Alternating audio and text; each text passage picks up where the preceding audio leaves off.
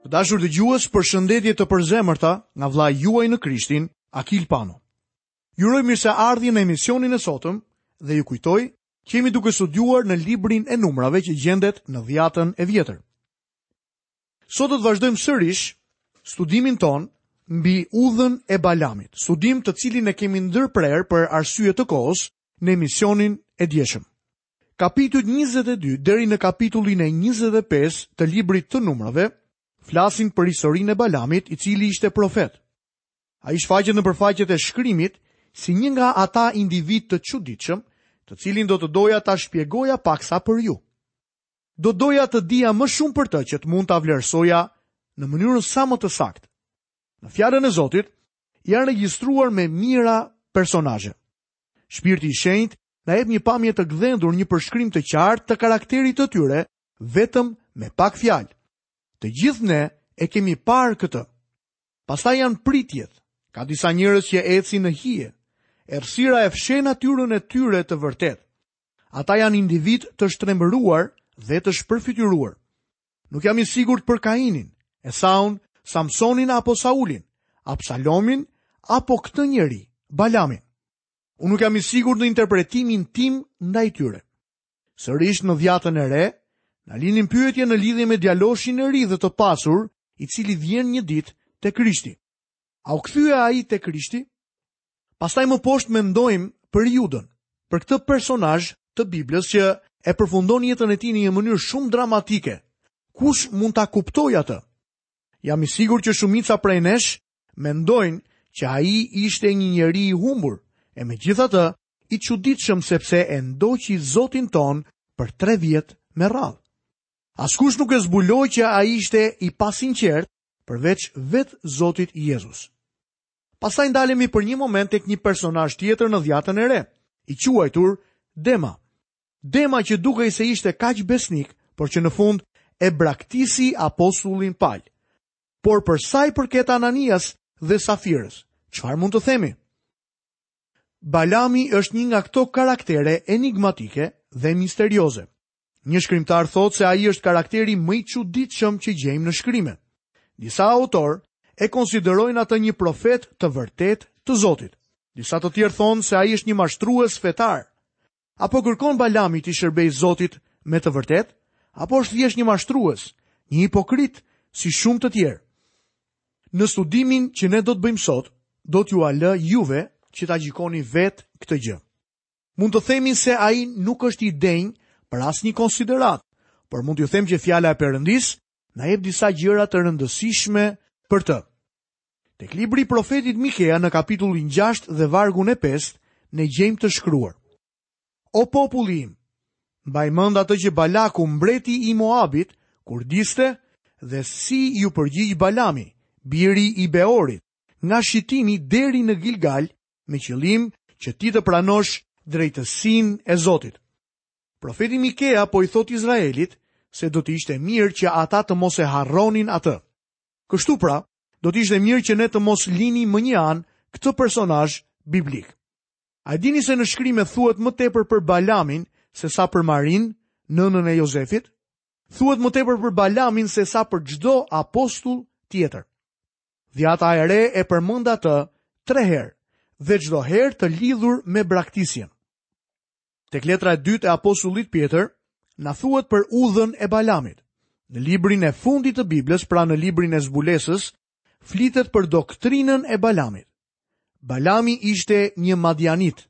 Ai ishte profet me një reputacion të madh dhe korri disa rezultate. Por a ishte ai i sinqertë? Le ta shohim historinë me vëmendje së bashku. Lexojmë në kapitullin e 22 të librit të Numrave, vargun e parë deri në vargun e tretë. Pastaj bijtë e Izraelit u nisën dhe ngritën kampin e tyre në fushat e Moabit, matanë Jordanit, në bregun e kundërt të Jerikos. Por Balaku, biri i Ciporit, pa të gjitha ato që Izraeli u kishte bërë Amorejve, dhe Moabi pati një frikë të madhe nga ky popull që ishte kaq i madh. Moabin e zuri një frikë e madhe për shkak të bijve të Izraelit. Siç e shihni, Izraeli është gati për të hyrë në vend. Balaku mbreti i Moabitëve kishte parë se çfarë i kishte ndodhur Amorejve dhe Ogut, mbretit të Bashanit. Ai po pyeste veten se çfarë duhet të bënte për ta nxjerrë Izraelin jashtë vendit. A duhet t'i sulmonte? Në të vërtetë, ai nuk dinte se çfarë të bënte. Kështu që vendosi të pajtonte shërbesën e këtij profeti. Lexojmë më poshtë nga vargjet 5 deri në vargun e 6. Ai dërgoi lajmëtarë Balamit, birit të Beorit, në Pethori që është pranë lumit, në vendin e bijve të popullit të tij, për ta thirrur dhe për t'i thënë. Ja, një popull ka dalë nga Egjipti, ai mbulon faqen e dheut dhe është vendosur përballë meje. Eja pra të lutem dhe mallkoje për mua këtë popull, sepse është tepër i fuqishëm për mua. Ndofta do t'ia dal ta mund dhe ta dëboj nga vendi im, sepse unë e di mirë që ai që ti bekon është i bekuar dhe ai që ti mallkon është i mallkuar. Ai dërgon njerëz që të gjejnë Balamin. Me sa duket ky profet ishte i njohur në të gjithë vendin. Balaku donte ta pajtonte që të mallkonte bijtë e Izraelit, donte që ta merrte në punë një lloj honorari. Këta njerëz ishin futur në zonën e lumit Jordan dhe Balaku donte që të dilnin jashtë tokës së tij. Lexojmë vargun e 7. Atëherë pleqtë e Moabit dhe pleqtë e Madianit u nisën duke mbajtur në dorë shpërblimin e shortarit dhe kur arritën tek Balami, i treguan fjalët e Balakut. Ai dërgon lajmëtarë tek Balami për t'i bërë këtë propozim. Mund ta shihni që ky njeri kishte goxha reputacion. Gjejmë që lajmëtarët po çojnë shpërblimin apo pagesën për profetin, në mënyrë që ai të mallkonte popullin e Zotit. Balami, pra ky profet, është gjithashtu dhe një parashikues fati. Balaku i ofron këtij njeriu nëpërmjet lajmëtarëve një çmim mjaft të majmë. Le të shohim vargun e 8. Por Balami u tha atyre: Kalojeni natën këtu dhe do t'ju njoftoj përgjigjen që Zoti do të më japë. Kështu princët e Moabit mbetën me Balamin. Ai duket sikur po kërkon sinqerisht të kuptojë mendjen e Zotit dhe në fakt ai është në kontakt me Zotin. Le ta shohim, vini re. Lexojmë vargun 9 deri në vargun e 11. Atëherë Perëndia i shkoi Balamit dhe i tha: "Ç'janë këta njerëz që janë me ty? Dhe Balami iu përgjigj Perëndisë. Balaku, biri i Ciporit, mbreti i Moabit, më ka çuar fjalë. Ja, populli që ka dalë nga Egjipti mbulon faqen e dheut, prandaj eja dhe mallkoje për mua. Ndofta do t'ia dal ta mund dhe ta dëboj. Zoti tha diçka mjaft interesante Balamit. Le ta shohim në vargun e 12. Dhe Perëndia i tha Balamit: Ti nuk do të shkosh me ta dhe nuk do ta mallkosh atë popull, se është një popull i bekuar. Ajo që Perëndia tha ishte një përgjigje e prerë. Nuk kishte asnjë mënyrë pse të ishte e paqartë në lidhje me të. Vini re Balamin. Shikoni se si ai sillet. Lexojmë vargun e 13. Kështu Balami u ngrit në mëngjes dhe u tha princërve të Balakut, Kthehuni në vendin tuaj, sepse Zoti nuk më dha leje që të vij me ju. Balami duket se është një njeri i sinqertë dhe i ndershëm ndaj Zotit. Nëse ky do të ishte fundi i historisë, atëherë do të arrija në këtë përfundim për të. Por Balaku ishte një mbret dhe një njeri këmbëngulës. Le të shohim më tej. Lexojmë vargjet 15 deri 17. Atëherë Balaku dërgoi përsëri disa princër në një numër më të madh dhe më të rëndësishëm në krahasim me të parët. Ata erdhën tek Balami dhe i thanë: Kështu thotë Balaku, biri i Ciporit, Asgjë nuk duhet të të ndalë të vish tek unë, sepse unë do të të mbush me nderime dhe do të bëj të gjitha ato që do të më thuash ti. Eja pra të lutem dhe mallkoje këtë popull për mua. Siç mund ta shihni, në fakt, tani ata po i ofrojnë një çmim më të mirë. Vargu i tetëmbëdhjetë. Por Balami u përgjigj dhe u tha shërbëtorëve të Balakut, Edhe sikur Balaku të më jepte shtëpinë e tij të mbushur me argjend dhe me ar, nuk mund të shkel urdhrin e Zotit, Perëndisë tim, për të kryer veprime të vogla apo të mëdha. Të dërguarit e Balakut e rritën shpërblimin për të, por me sa duket kjo nuk ndikoi fare tek ky njeri, Balami. Ai i kthen ata mbrapsht. Këtu ngjan si një njeri shumë fetar. Jam gati duke thënë amen për veprën e Balamit. Por pastaj më vjen në mendje një mendim i dytë. Ai është tepër i mirë për të qenë i vërtetë. Pse foli vallë për një shtëpi të mbushur me ar dhe me argjend? Foli sepse po mendonte për të. Ai në fakt Thellë në zemrën e tij është lakmues dhe mendja i është kthyer në drejtimin e të mirave materiale. Lexojmë vargun e 19. Prandaj ju lutem, rrini këtu këtë natë, në mënyrë që të mësoj çfarë do të më thotë tjetër Zoti. Por çfarë shohim se është duke ndodhur këtu miqtë e mi? Është më se e kuptueshme që ai tashmë kishte marrë një përgjigje nga Perëndia për këtë çështje. Nuk kishte pse të priste edhe një natë tjetër për ta pyetur Perëndinë sërish për një çështje që më parë Zoti i ishte përgjigjur. Perëndia tashmë i kishte thënë të mos shkonte. Por ju e shihni, ky njeri po shpreson që Zoti të hap pakëz fare derën që ai të mund të fuste këmbët e tij brenda dhe nëse ai mund të fuste këmbët brenda, atëherë mund të shkonte. Le të shohim kompromisin që ndodh në jetën e Balamit. E gjitha kjo ishte mjaft interesante. Vallë, a bëjmë edhe ne shpesh të njëjtën gjë? Ne predikuesit bëjmë shumë luftë për një thirrje nga Zoti. Kam dëgjuar historinë e një predikuesi që erdhi në shtëpi dhe i tha së shoqes, E dashur, sapo pata një thirrje për të shkuar në qytetin fqinj me ne. Ti e di që është një qytet i pasur, ka kisha të mëdha, me shumë anëtarë dhe njerëz me të vërtetë të këndshëm. Jam thirrur për të shkuar atje si pastor, kështu që po ngjitem lart për t'u lutur dhe për të parë nëse është ky vullneti i Zotit për ne. Ajo iu përgjigj, Po vij dhe unë lart të lutem me ty. O, jo, jo, tha ai, ti qëndro këtu poshtë dhe fillo të paketosh gjërat. E shikoni, ai tashmë e kishte ndarë mendjen e tij. Nuk kishte nevojë që të dëgjonte për udhëzimet që Perëndia do t'i jepte. Po kështu edhe Balami plak e kishte ndarë mendjen e tij. Vini re se çfarë ndodh.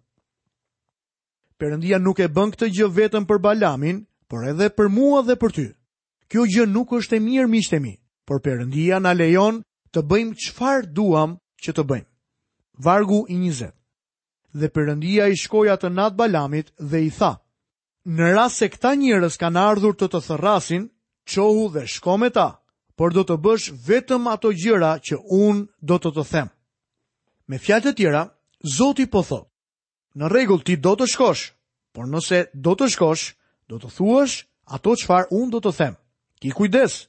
Këtu jepet ai që quhet vullneti tolerant i Zotit. Ai na lejon disa herë të bëjmë diçka që ne insistojmë ta bëjmë, edhe atëherë kur nuk është në vullnetin e tij direkt. Besoj se e mbani mend se çfarë Zoti bëri me bijtë e Izraelit. Ai e plotësoi kërkesën e tyre, por u dërgoi një lëngatë për shpirtrat. Disa herë ai plotëson kërkesat tona, por na dërgon një lëngatë për shpirtrat tanë. Lexojmë vargun 21 deri në vargun e 23. Kështu Balami u çua në mëngjes, shaloi gomaricën e tij dhe shkoi bashkë me princat e Moabit. Por zemërimi i Perëndisë u ndez, sepse ai ishte nisur dhe engjëlli i Zotit i doli rrugës si armik kundër tij. Ai i kishte hipur gomaricës së tij